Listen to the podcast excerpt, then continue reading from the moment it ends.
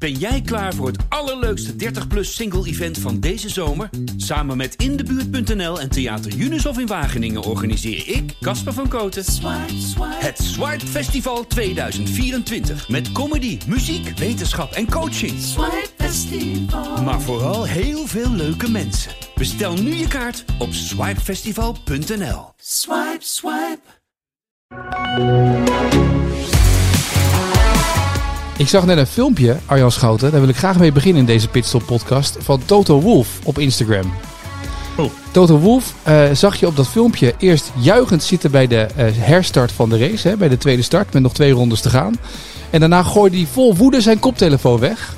En dat was eigenlijk de race die we vandaag hebben gezien in Baku in de notendop. Mixed emotions. Zo is het. Hartelijk welkom bij Pitstop. We gaan eh, vandaag terugblikken op de race, eh, de Grand Prix eh, van Azerbeidzjan in Baku. En dat doen we met Arjan Schouten in Baku. Ehm, eh, hoe ben je eraan toe eigenlijk na deze dag? Gesloopt, weet je. Ja, dat kan ik me wel bij voorstellen. ja, jezus man. Ik heb... eh, oh, piep. Ja. Ik heb... eh, de, het ene stuk naar het andere weg zitten gooien. Dit, dit kan toch niet werken zo. Hè? Emotionele achtbaan. Eerst eh, denk je die... eh nou ja, dit wordt uitgebreid hè. Die WK-stand hè. Vergroot. Ja. Hè? Voorspelbaar. Leuk. Schitterend. Daarna denk je het gaat helemaal verdampen. Dus een nieuw stuk. En daarna verandert eigenlijk helemaal niks in die titelstrijd. dit, dit was, het- kijk, het, het was natuurlijk al een bijzonder weekend. Want jij, bent, Ja. eh, jij, jij kwam op donderdag, had je persdag. En toen was het allemaal natuurlijk al je strijd tussen nummer 1 en nummer 2. Hoe gaat het allemaal? En, en, en toen was het van, eigenlijk vanaf ehm, vrijdag was het vooral het verhaal van bocht 15. Ja, ja, ja, ja, ja. Bocht 15. De moeilijkste hindernis van Baku. En dat is het eigenlijk altijd al. Alleen nu, nu, kijk, er gebeuren, ik ben, dit het is de derde keer dat ik hier ben. Er gebeuren hier altijd dingen. Dit is een, daar hoeven we helemaal niet zo raar over te doen. Eigenlijk is het een achterlijk circuit. Hier kan je helemaal geen Formule 1 rijden. We doen het al eh, voor de vierde of de vijfde keer. Dus het, eigenlijk kan het wel. Maar eigenlijk zou je het niet moeten willen. Want het is zo hoekig als wat allemaal. Ik snap Max Verstappen best dat hij zegt... eh, geen fan van straatraces. Alsjeblieft, laten we er geen een meer op zetten. Er komen er wel op. Miami, Vietnam liggen Ja. ook nog plannen. Moeten we maar zien wat er allemaal van overblijft na corona. Maar ja, kijk, dit is, dit is een hartstikke leuke stad. Eh, Er gebeuren ook een heleboel dingen die niet zo leuk zijn. Maar het bruist, het wervelt. Maar het is allemaal zo hoekig en, en, en bochtig en moeilijk en, en, en smal en nauw. En kijk, Monaco zeggen we al jaren dat het niet kan, omdat het een processie is en het is veel te langzaam. Maar hier, ja, nee. Nou ja. Die muur is overal te dichtbij. Ik denk dat iedereen vond het. Ik zag, het, het was een beetje. Toen dit moment kwam in de race. Look, oh, and that's Max Max Verstappen. Max Verstappen on the main straight, leading this race. Now out of this race, Sergio Perez leads from Lewis Hamilton. En dat, dat shot op, op camera was dat Max Verstappen op dat rechte stuk. Daar. En heb jij gezien wat er op die boarding daarboven stond? Well done, Baku, denk ik, of niet? Experience Azerbeidzjan met zo'n hashtag. Oh ja. Ja, nou, die, ja. die klopte wel, dacht ik toen. Ja, ik heb ook iemand een eh, grap zien maken over die bocht 15 bijvoorbeeld. Dat, dat, dat, well done Baku, geweldig die magneten in die bocht 15. In die zin, je kan er wel een heleboel mee met dit, met dit eh, circuit. Ja. Maar eh, het, het enige leuke van Baku vind ik, het levert altijd weer verhalen op. Elk jaar weer. Ja, en dat is wat Baku zelf ook vandaag twitterde nog. Hè. Die hadden nog zo'n tweet met well done of uh, thank you world, zoiets. Of graag gedaan world, hadden ze het nog Ja. met alle dingen die ze weer vandaag gerealiseerd hadden. Ja, het is een, een, een knotsgekke race. En uiteindelijk, eh, we gaan straks natuurlijk praten over twee klapbanden. Die hebben niet zoveel te maken met de, met de omstandigheden eh, eh, va- van Baku. En tegelijkertijd ook weer wel, want het zou best eens kunnen dat dat door puin op het asfalt komt. Of door kapotte Pirelli-banden. Daar gaan wij geen antwoord op vinden in deze podcast. Maar het levert en het sprankelt. En ja, dat is ook wel weer leuk. En tegelijkertijd moet je je afvragen, zo'n kwalificatie als op zaterdag hier. Ja. Wat zijn we nou allemaal aan het doen, joh? Ik bedoel, de een na de ander die, die, die, die rijdt er die muur in. Vervolgens wordt de, worden de kansen weer ontnomen om iets te kunnen. Het is allemaal zo gekunsteld. Je kan ze beter nog één voor één eh, met een halve minuut eh, tussenpauze dat, eh, dat rondje opsturen. Zoals in het doen bij een proloog. Dan is het misschien nog wel eerlijker op zaterdag. Ja, dat kan me voorstellen. Dat je geen tow hebt en dat soort dingen. En dat het gewoon één veilige race is. Want ze zoeken allemaal de limiet op. En het grappige, het bizarre is dat ze dat dan vandaag dus niet doen. Hè? Want er is vandaag niemand in bocht 15 eruit gevlogen. Nee, maar dat is ook niet zo gek, want ze rijden gewoon echt significant minder hard. Ja. Eh, maar uiteindelijk, die, die, die race, die is hier, of die kwalificatie is hier een soort race. Terwijl de kwalificatie zou moeten gaan om eh, van A naar B, wie rijdt de snelste tijd? Hè? Wie, wie beheerst dat het beste? Maar dat wordt hier gewoon beslist door en geluk en een tow. en ongeluk. Want ja, als die rode vlag valt voor jouw neus en jij kan niet nog een tweede rondje rijden, dan ben je gewoon zwaar de Shaki. En dat zou in principe niet bepalend moeten zijn in deze sport. Maar dat is het hier heel vaak wel. Ik snap, dat vinden een heleboel mensen leuk. Ja, ik zit niet in dat kamp. Ik, uh, ik vind dat tot op een bepaalde mate leuk. Maar als er dan voor de vierde keer zo'n rode vlag valt, ben ik er wel een beetje klaar mee. Ja, ja uiteindelijk besliste die kwalificatie natuurlijk niet de race. Hè, want de Leclerc stond dan wel pole position en Hamilton 2, Verstappen 3. En uiteindelijk is was de race tot aan ronde 47. Uh, was de Leclerc gewoon weer keurig op plek 6 of 7 terug te vinden. Ja, maar jij begon over bocht 15. Dus nee, dat klopt, dat is waar, dat is waar. Even over bocht 15. Nee, is goed. Dan ga ik nu verder naar, naar, naar het andere moment, zeg maar. Dit was de boordradio van Max na dat incident dat we net lieten horen, hè? Bocht 7, in, in de ronde 47. Die was volledig weggepiept. Dat begrijp ik ook wel. De schop tegen de achterband, tegen de linker achterband. Die, uh, ja, die, uh, die, die knalde uit elkaar. Um, nou zag ik een tweet van Gary Anderson voorbij komen. En dat is een oude uh, technisch directeur van Jordan en van Jaguar. En die schreef: We moeten nu eens heel kritisch gaan kijken naar die Pirelli-banden. Want dit, deze situatie, ja, die moeten we echt gaan onderzoeken. Want we, we, we zetten de, de, wekelijks het levens van de jongens op het spel. En, en dit moet echt onderzocht worden. Is dat ook een beetje ja. de algemene reactie na afloop? Nou ja, dat, ja, zeker. Ik ben het daar heel erg mee eens. Max Verstappen trouwens ook en zijn vader ook. Die uh, richtte meteen een gifpijl op Pirelli. Uh, in microfoons en op Twitter. Ja. Dat snap ik ook wel. Want het is een, een achterlijke plek om eraf te gaan. Je rijdt daar, we hebben het aan Max gevraagd. Hij rijdt daar 300, 305 is nog aan het opbouwen. En dan knal je er opeens af. Hij zei ook, als je naar links stuurt, hè, er zit zo'n inhammetje geloof ik, dan moet je niet, ja, dan, je, je wil niet weten wat er gebeurt. Dus inderdaad, dat is echt levensgevaarlijk. Vervolgens zei hij, uh, maar Pirelli zal wel weer met de uitleg komen dat er uh, wat afval op het circuit lag. Wat debris, zo heet dat dan. Debris. Mm -hmm. Dat een moeilijk woord, ik noem dat gewoon uh, rommel. Ja, ja, snap ik. maar um, ja, Max zegt, dat gaan ze natuurlijk zeggen, maar het volledige antwoord krijg je natuurlijk never de never de nooit. Nou, ja, want ze plakken wij... die banden ook gelijk af, zag ik bij. Ik zag bij Ziggo dat, dat gelijk die wagen van Stroll kwam terug en je zag helemaal niks aan die banden. Was gelijk helemaal afgeplakt met de, met de rode zakken. Ja, nee, maar dat gaat naar Milaan, naar het laboratorium. Maar wij natuurlijk eh, toch even kijken of Max gelijk heeft. Dus wij eh, van de pers naar Mario Isola, de topman van, van, uh, van Pirelli. Nou, die stond daar al te wachten bij dat... oh, ja, we mogen weer de paddock in, dus dan, dan kan je weer eens wat. Ja. maar ja, wat kan die man zeggen? Ik bedoel, die zegt, ja, waarschijnlijk is het, is het puin. Uh, maar we moeten dat nog gaan onderzoeken in Milaan, in ons laboratorium, om te kijken of er echt wat mis is. En wat ik wel moet zeggen, hij kwam meteen, liet meteen ons op zijn smartphone een, een, een foto zien van de linker achterband van Lewis Hamilton. Weliswaar niet geklapt, ja. maar daar zat ook een flinke scheur in. Dat zou kunnen uh, duiden op bijvoorbeeld een stukje afgebroken carbon van een andere auto waar ze doorheen zijn gereden. Ja. weliswaar was die nog niet geklapt als je heel erg in complotten denkt, zou je ook kunnen zeggen dat hij die foto al klaar heeft staan voor kritische journalisten en dat hij die aan iedereen laat zien. Zover wil ik niet gaan. Daar vind ik het een veel te aardige man voor. Um, maar je vraagt je het altijd een beetje af bij dit soort dingen. Wat rolt er nou uit? Ze hadden zachtere compounds meegenomen. Misschien luidt de conclusie wel. Uh, Pirelli-banden waren hier gewoon echt niet goed. Uh, dat window wat zij aangaven, zo lang kunnen ze meegaan, gewoon echt niet. Het klopt er gewoon niet. Dat is tien ronden minder dan dat, uh, meer dan tien ronden. Ja, maar je, ben je, toch, je bent toch een beetje geneigd om te denken dat er niet zo heel veel uit gaat rollen uit dat uh, hele onderzoek. Nee, dat hoorde ik bij in Milaan gaan doen. Dat hoorde ik bij Stroll ook een beetje in zijn, in zijn woorden. Still looking into it, I just felt like the rear just let go. So I don't know if it's a puncture, suspension or debris. I, we're still looking into it. Ik weet het allemaal niet wat het allemaal was, zei hij ook een beetje. Hè? Die had trouwens een megaklapper. Die was nog harder dan die van Max, hè? Zo. Oh, man. Zag, je, zag je die vader? Ja. Uh, Jos was er niet, maar de vader van Lance Stroll was er wel. Die is, die, die, die is natuurlijk altijd als, als teambaas. Goh, die, ja, die moest toch even. Die gaf even wat schouderklapjes en een crew aan zijn zoon. Dat snap ik ook wel. Ja, man, en man. toen dacht ik, weet je, als het nou mijn zoon zou zijn, zou ik hem even vastpakken voor die camera's en een knuffel geven. Ik ben blij dat je er nog zit. Ik snap dat die wagens ja, zijn, maar het is je zoon, man. Ja. Ja, maar ja, je, je, moet er niet aan denken wat er kan gebeuren. Het is gewoon levensgevaarlijk. En um, wat ik wel interessant vond, iemand op Twitter stuurde mij: zou dit nou niet komen uh, omdat er een gebrek aan concurrentie is? We, we willen allemaal geen bandenoorlog meer. Daarom nee. heeft uh, Formule 1 al, al jaren maar één bandenleverancier. Maar vroeger had je een bandenoorlog. Je kan ook zeggen: van oorlog, van concurrentie, word je scherper, word je sterker, gaat de kwaliteit omhoog.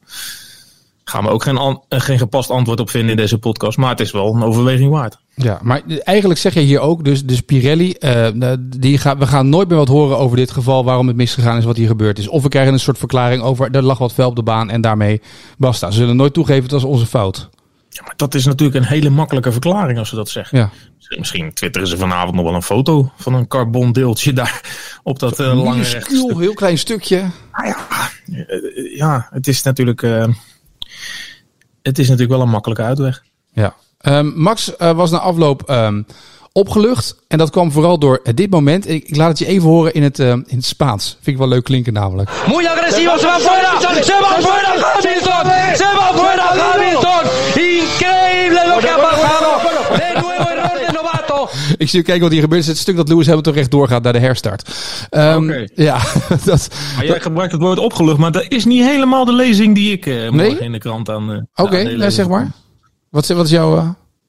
Nou ja, we hebben hem nog uitgebreid gesproken na afloop. En uh, weet je dat hij dat hele Hamilton moment zelf niet meegekregen heeft?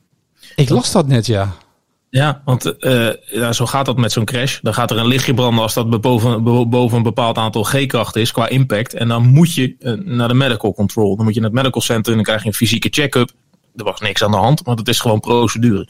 Dus hij werd daar naartoe gebracht door die auto. En hij zat daar in dat medical center. Hing geen tv. En toen ging opeens de telefoon enorm vibreren, zei hij. En toen kwam de een na, een na de andere bericht binnen. Hamilton rechtdoor. En ja, dan, dan zit het een beetje swinged emotions. Want hij bepaalde natuurlijk als een stekker. Hij dacht, hè, ik, ik stond vier punten voor na Monaco. Als ik hier win, dikke 25, misschien wel de 26 pak. Want hij had ook uh, de snelste ronde. Ja. En Lewis wordt derde. En dan loop je er uh, even goed rekenen, 26 naar 15. Loop je er 9 uit, sta je er uh, 13, 14, uh, 14 voor. Snel uit mijn hoofd gerekend. En hij zag dat allemaal verdampen. En hij dacht, ik moet straks weer gaan jagen. Zometeen gaat Hamilton ook nog winnen in die laatste twee rondes. Uh, maar die opluchting, die was er wel even. Tuurlijk, tuurlijk, zei hij. Die was er echt wel even. Alleen daarna kwam tegelijkertijd ook wel weer heel snel het besef. Uh, dit is ook echt een gouden kans die verloren is gegaan. Want uh, het feit dat je hier op een stratencircuit, je tweede stratencircuit op rij, hem had kunnen pakken. En echt ongelooflijk sterk was. Ja, die kansen die krijgen ze niet elke week natuurlijk. Hè. Er komen ook weer circuits aan dat Mercedes ze het echt niet zo tussen haakjes makkelijk maakt als dat ze dat hier hebben gedaan. Ja, die uitleg van hem die, die klonk zo even. Mag ik even laten horen? Want hij heeft daar wat, nog de afloop ook wat over gezegd voor de camera's van de Formule 1. Yeah, shame because we missed out on an opportunity to make the gap bigger. Um, because we know, of course, when we, we get to normal tracks, Mercedes normally are very strong. Um, so yeah, it's a bit of a shame to not open up the gap a bit more. But of course, then at the end we got a bit lucky, of course, with Lewis going straight in turn one. Ja, een beetje geluk op het einde, want het leek natuurlijk inderdaad dat Lewis Hamilton, alles leek anders, hè, dan Perez zou kunnen winnen. Wat ik nog dacht, als het reglement nou gewoon zegt, als je meer dan 75% van de race volbracht hebt en je hebt een rode vlag en je hebt gedoe met die banden en je hebt nu voor de tweede keer een moment dat zo'n band explodeert in één race, wat niet vaak voorkomt, hè, dat dit dat het op deze manier gebeurt. Waarom zou je niet gewoon de race stoppen en cancelen en klaarzetten? Uh, en zeggen, dit is de einduitslag, kan je ook gewoon zeggen, toch? Dan is, dan is het klaar. Ja, maar reglementair mag het ook doorgaan, meen ik. Ja, het mag, het mag allebei. Ja, nee, want ja. niks is zo flexibel als de regels bij de FIA, toch? Uh, ja, maar, ja ik, ik heb daar ook aan gedacht. Ik dacht, zet er lekker een streep onder. Uh, ja, tegelijkertijd bleef je er ook wel voor zitten, hè, voor zo'n sprintrace van twee rondjes. En uiteindelijk waren die twee rondjes ook best wel hey, interessant om te kijken. Het was uiteindelijk fantastisch, ja. ja, maar je, je, je, je moet niet onderschatten dat zoiets ook meespeelt, denk ik. Ik bedoel, uiteindelijk is het gewoon entertainment. Ja. Dus dat zal best een, uh, een afweging geweest zijn. En dan is nog het meest bizarre. Dat Lewis Hamilton dus, uh, die, die stond opgepompt en wel bij die herstart van die wedstrijd. Want het was weer starten op de grid. Uh, Perez op een soort pole position en Hamilton op plek 2. Je zag het stoom van die banden afkomen. Toen was daar die start. En toen ging Lewis, die, die, die reed op kop. Dat leek allemaal goed te gaan. Die had, die, die had eigenlijk P1 in handen. Hè. Perez was eigenlijk geklopt door die goede start. En toen deed Lewis iets fout. Basically, when uh, Checo pulled over to the left and I moved to the left and I, I hit a switch, unknowingly hit a switch and it basically just switched off the rear wheel, the rear brakes and only the fronts were working, so it just went straight. Lewis Hamilton had gewoon zijn achterband, de, de, de rem op zijn achterband op een verkeerd knopje gedrukt, geen rem op zijn achterband. Ja, moet je niet doen in je huurauto hoor. Echt niet. Nee, moet jij niet doen zeg maar als je zo meteen naar het vliegveld gaat. nee, ja, hij kwam ook bij ons en uh, ja, het, hij ging steeds zachter praten. Dat vond ik wel een mooi detail. Ja. Kijk, natuurlijk, ze hebben al zo'n mondkapje op. En het is een, een, een klerenherrie in die paddock. Want natuurlijk, als dan de geschreven pers aan de beurt is... moeten opeens alle voorkeftrucks langskomen en voorbij komen. En generatoren werken. Ja, zo gaat het nou eenmaal. Afvoerputje van de journalistiek. We snappen het. Maar hij ging steeds zachter praten achter die mondkap. En ja, dat doet Lewis Hamilton alleen als hij iets te vertellen heeft waar hij nou niet zo trots op is. Hij noemde het een vernederende ervaring om met nul punten weg te wandelen. Uh, ja, na toch een weekend waar ze onwijs hard hebben moeten werken en alle zeilen moeten hebben, hebben moeten bij, bijzetten om, om er überhaupt nog wat van te maken. Want het leek natuurlijk heel lang helemaal nergens op. En het feit dat hij zo goed gekwalificeerd was, kwam natuurlijk volledig door die perfecte uh, slipstream ja. van Bottas. Die is echt opgeofferd. Maar uh, ja, nee, uh, Hamilton heeft een fout gemaakt. Ja, um, weer. En dat hoort, dat hoort ook bij dit hele verhaal, hè? Ja, dat wil ik zeggen. Wat is niet de eerste fout die hij maakt sinds hij opgejaagd wordt door Max Verstappen? Nee, maar dat, uh, niets menselijks is zelfs een zevenvoudig wereldkampioen vreemd. En dat vind ik toch ook wel een fijnere waarwording eigenlijk. En dat, dat maakt het ook alleen maar leuker. Want uh, Max kan nu wel zeggen van ja, straks gaan we naar circuit en staat Mercedes er gewoon weer voor.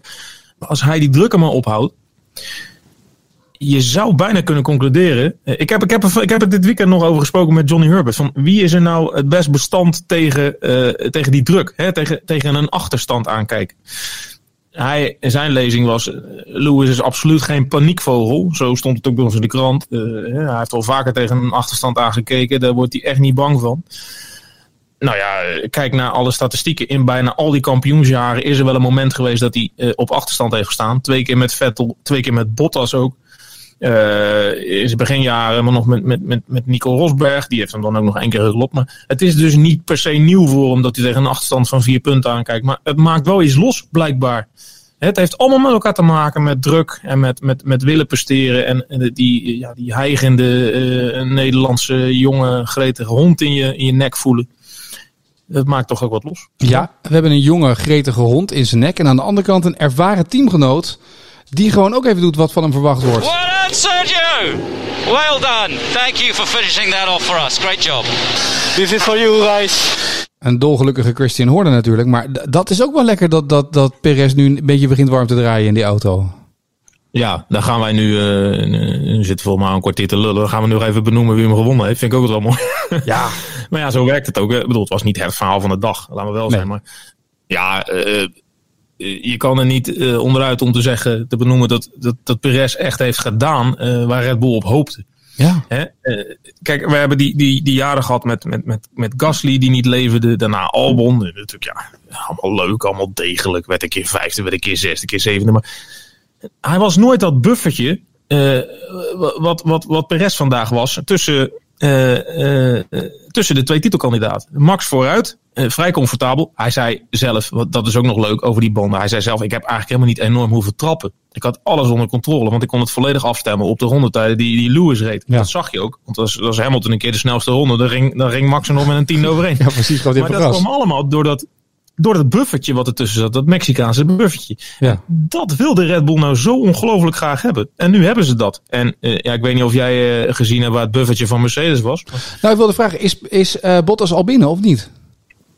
Ja, ik denk het wel net. Maar die vertraging die hij had bij het, het betreden van Azerbeidzjan, dat heeft hij eigenlijk over het hele weekend doorgetrokken. En ja, we hebben het hier vaker geconcludeerd, weet je, maar ik durf hem nu wel echt met 100% aan. Het is echt klaar met Bottas bij Mercedes. Ja, en ik durf de stelling wel aan dat hij dit seizoen nog vervangen gaat worden. Zo, ja, dat weet ik niet. Dat weet, ik weet ja, dat durf jij niet. Dat durf jij niet. Hè? Nou, ik denk dat ze er klaar mee zijn, want ze zien nu dat ze die tweede man niet meer hebben. En ze hebben nu in die strijd om Lewis wereldkampioen te maken, hebben ze die ja. tweede. Je ziet het nu, want als hier Bottas 1 had gestaan in de race en, en Hamilton was 2 geweest, was er niks aan de hand geweest. Had Hamilton niet hoeven trappen, was niet nee. recht doorgeschoten. Het is omdat Perez daar rijdt. Staat Leclerc daar, had hij het ook niet hoeven doen. Nou, vind ik een interessante, absoluut. Want we hebben natuurlijk vorig jaar, eind vorig jaar ook gezien uh, dat er een verse instapper in die Mercedes het bijzonder goed kan doen. Ja, George Russell. Ja, misschien, uh, misschien krijg je wel gelijk. Zo, dat zou goud zijn, zeg. Ja, het zou, het dat Toto Wolff zich dus zo bedreigd voelt door Red Bull, dat hij er gewoon een uitgooit en uh, op zijn Red Bulls, zeg maar, er een uitgooit. En dat zijn de rollen wel helemaal omgedraaid. Want hoe Red Bull hier aan te domineren was vandaag, dat was vrij Mercediaans. Als Red Bull, als het Mercedes dan ook op zijn Red Bulls uh, dat soort stappen gaat nemen, dat, dat zou het wel helemaal volmaken, het verhaal. Ja, nou, het, het, dit is natuurlijk eigenlijk na zes races het verhaal toch nu? Je ziet nu eigenlijk waar iedereen staat, wat er aan de hand is, wat er gebeurt. En, en het gaat tussen Max en Lewis, dat wisten we. En Red Bull heeft op deze circuits kennelijk een betere wagen. Het blijft een beetje harken bij, bij, bij Mercedes ook de laatste weken. Ja, maar om dan een kanttekening te plaatsen, je moet, je moet echt wel benoemen dat en Monaco en Baku is wel echt andere Max, Max zelf eh, schaats ook niet onder de normale races. Je, krijgt- Frankrijk bijvoorbeeld, is, dat is echt een lastige layout. Mhm. Raar circuit ook. Eh, Ja, daar, daar zit je niet zomaar in de muur. Daar kan je volgens mij ook eindeloos... dat zou Spinnen. meer naar Mercedes moeten kunnen. Dus in die zin ga ik wel mee dat hij zegt straks bij normale circuit staat eh, Mercedes wel weer voor ons. Of in ieder geval op gelijke voet. Tegelijkertijd, daarna krijg je een dubbel in Oostenrijk. Ja, daar is Verstappen toch niet zo slecht geweest de laatste jaren. Dus daar ben ik heel benieuwd naar. Want dan kan je ook wel, eh, stel dat je daar twee keer wint, kan je echt een gat slaan. We hebben vandaag gezien hoe moeilijk dat is, twee keer achter elkaar winnen. Ehm, en dat je dan ook nog van een heleboel toevalligheden eh, afhankelijk bent. Eh, maar het blijft wel lekker zo door emmeren richting, eh, richting de zomerstop. Dan hebben we ook nog twee teambazen die lekker aan het kissenbissen zijn met elkaar. Dus Juist. En op, weg naar, en op weg naar die wereldtitel voor Mercedes, wat het doel is natuurlijk voor eh, Toto Wolff, dat hij constructeurskampioenschap binnenhaalt, is nu alles eraan gelegen om Christian Horner voorbij te streven en dat gewoon weer te, te winnen dit jaar en veilig te stellen. Die gaat, geen, die gaat het niet meer afhangen, laten afhangen van toevalligheden en, en de Finse sauna of die goed opgestookt staat of niet. Nou, dat zei Olaf Mol volgens mij vandaag op tv. Dat het ook nog eens best wel een, een... Kijk, als je nu ziet hoeveel sterker Perez is dan Bottas. Hè? Ja. Ja, ik weet niet of Red Bull daar gelukkig mee is. Het kan Verstappen niet per se. Maar er bestaat ook nog zoiets als een scenario dat, eh, eh, dat Red Bull straks het constructeurskampioenschap wel wint. Hè? Omdat Ja. Perez en Max het zo goed doen. Maar dat Lewis wel kampioen wordt. ja, kan ook nog, ja. Daar moet je even niet aan denken nu. Hè? Nee, laten we nu niet. eh, Weet je, het, het raceweekend. Het, het is voor Max een, een, een zwartgallig weekend. Maar dat toch uiteindelijk de schade beperkt is gebleven. Niet de schade aan zijn auto, maar de schade in de strijd om het wereldkampioenschap is beperkt gebleven. In die zin dat de voorsprong op Hamilton er nog steeds is. Dat is de conclusie van Ja. deze race. Hij proefde het zoet niet meer. Maar echt zuur smaakt hij ook niet. Nee. Zou ik dat zo zeggen? Nou, vind ik mooi. Vind ik mooi. En eh, we kunnen ook een conclusie trekken dat eh Seb Vettel best wel een aardige coureur is, hè? Als hij een goede auto onder zijn kont heeft. God, wat was die blij, man. Dat was een klein ventje. Heerlijk. En Gasly ook weer op het podium. Ja, dat, dat zijn toch ook wel weer mooie verhalen. Ja. Nou, zeker omdat hij het gewoon tactisch gewoon goed gedaan had, Vettel. Dat was het gewoon, hè? Goede tactiek gereden. ja. Volgens mij heeft hij een lange, stint, lange laatste stint gereden, als ik het goed heb. Ja, en hij is, hij is langer doorgegaan op die rode band. En daardoor kon hij dus later eh, naar die witte band overschakelen. En daardoor kon hij dus eh, op deze plek eindigen. Ja. Goed gedaan. Ja, Hulde. dat was weer mooi, hè? Toch wel. Ja, ik had ook wel weer... eh, kijk, dat corona heeft natuurlijk een, een hoop kapot gemaakt in die Formule 1. Eh, ook gewoon qua spontaniteit. En je Ja. mag niks en je kan niks. En je zit maar in die stomme Zoom-sessies met coureurs te praten. Er kon hier best wel weer veel. Nou is Baku ook best wel een, een, een lollige stad om... eh, niet, niet per se die race, maar dat je, dat je zo'n zo'n zo'n layout midden in zo'n stad legt. En de- bijvoorbeeld de collega's die zitten met hun hotel gewoon aan een van die, van die, van die rechte stukken. Eh, als, je uit je, als je uit je balkon gaat hangen, dan komt er een auto voorbij, zeg maar, s ochtends vroeg. Ja. Dat, dat is lollig, maar het feit dat je... Je loopt hier zo die paddock in, maar dat mag ook weer op gezette tijden. En eh, die, coureurs eh, spreek je weer face-to-face. Daar wordt ons leven natuurlijk een stuk, een stuk leuker van. En ehm, ja, het- het- het- er is weer interactie. Het is allemaal weer een stuk spontaner. En er zijn verhalen te vertellen en je kan ze nu ook vertellen. En er is de vrijheid om ze te vertellen. Dus dat is wel gewoon heel erg fijn. Heb je nog een paar goede tips? Want eh, als het een beetje mee zit, hè, Oranje heeft natuurlijk gewonnen vanavond met 3-0 van Georgië. Dus de stemming in Nederland zit er goed in wat betreft het EK voetbal. Ehm, maar met een beetje geluk heb- heeft Nederland de kwartfinale in Baku, hè? Als dat in het meest gunstige schema van Maarten Wijfels. Dus heb je nog een paar goede tips? Want dan gaan we er ook naartoe. Steakhouse Elvet. Kijk. Alleen, het is wel... Eh, Ja? bij, dat, bij, dat, bij dat hele bekende gebouw, wat vernoemd is naar de oude president. Met dat welvende dak. Dat is een gigantisch plein. Als je daar rond moet lopen, ben je een half uur bezig. Helemaal in het hoekje. Steakhouse Elvet. Eh, het is alleen wel takken en het vliegen, geloof ik, hè? Nou, ik moet eh, straks terug. Om eh, 5 uur 20 straks, midden in de nacht. En dan, ja, je moet via Istanbul vliegen. En ze zijn hier ook heel erg streng. Met allemaal moeilijke formuliertjes die je moet vullen. En er moet dan een stempeltje op zitten. En dat mag dan allemaal weer niet in die taal hier. Want eh, ja, die is vrij lastig. Dus dat moet dan allemaal weer vertaald worden. Regelt Formule 1 allemaal heel erg goed. Ik hoop dat de KNVB dat ook voor jou doet. maar eh, nee, eh, ja, prima, prima startje. Heel goed. Ehm, het is inderdaad apart om te merken, want in Nederland gaat het langzaam aan het open. Is dit weekend alles een beetje open gegaan. Ik ben net een week in Lagos geweest. Jij bent nu in Baku. Wij appten elkaar, wat kan jij? En het is heel gek om te merken hoe de wereld langzamerhand ook weer open gaat. Hè, wat je net al zei. En dat er wat meer kan en wat meer mogelijk is. Nou, kan je vertellen, er was gisteren een ober. Die kwam met een gigantische zwaard aanlopen. En die eh, ging die, uh, die ribeye steek even te lijf. En die wilde eigenlijk dat ik van het puntje van zijn zwaard een stukje ribeye proefde. Ik zeg, nou, zal het even niet doen, Piet. Leg maar op mijn bordje. en dat begreep hij ook, Piet. ja, want daarna ging Piet uh, met dat zwaard naar een andere collega toe. Dus uh, nee, dat, ik denk dat we dat nog niet helemaal moeten doen. Soms heb ik het idee dat het hier niet helemaal meer uh, ja, hoog op het lijstje stond. Dat hele, die hele coronapreventie. Maar ja, het, zullen we zeggen dat, het, lang, dat je denkt dat je langzaam naar het, het einde van al die ellende toe gaat. En dat is toch wel een fijne gewaarwording op naar uh, La Douce France. Hè? Hopelijk niet te veel uh, mensen die erbij mogen zijn, dat je gewoon weer door kan rijden. Want ik, dat is altijd veel file voor jullie, hè, in Frankrijk. Ja, volgens mij mag er niemand bij, toch? Nee, volgens mij ook nog niet. Ja, ik weet nee, niet wat... anders, anders is het een rampenplan daar. Daarom. Toen Londen sta je in de file 40 minuten. Maar Rick gaat hem doen. En uh, Rick heeft hem vaker gedaan. En ja, dit, ja dit, dit, prima Grand Prix. Ik, ik ben wel zeer benieuwd... zeer benieuwd wat Bottas eindigt eigenlijk daar. Ik ook. Als Bottas nog mag starten. Maar goed, dat gaan we uh, over In welke auto zal die zitten? En misschien zit hij wel gewoon in zo'n Williams achteraan. Daar reed hij vandaag ook ongeveer. Dus kan hij makkelijk plaatsnemen. In zijn stoeltje wisselen. Ja, dat is had hij wel een Williams in Mercedes. Nee, is flauw. Dat is makkelijk dit. Goed. Arjan Schouten, dank. Goede reis terug vanuit Baku.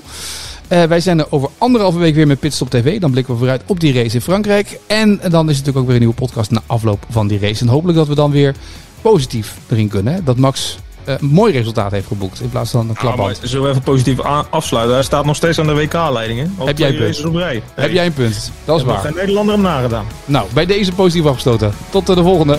Hoppa.